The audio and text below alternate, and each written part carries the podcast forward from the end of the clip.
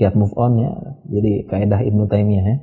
An-nafsu la tatruku illa namanya jiwa tidak akan bisa meninggalkan sesuatu 100% kecuali diganti dengan sesuatu yang lain.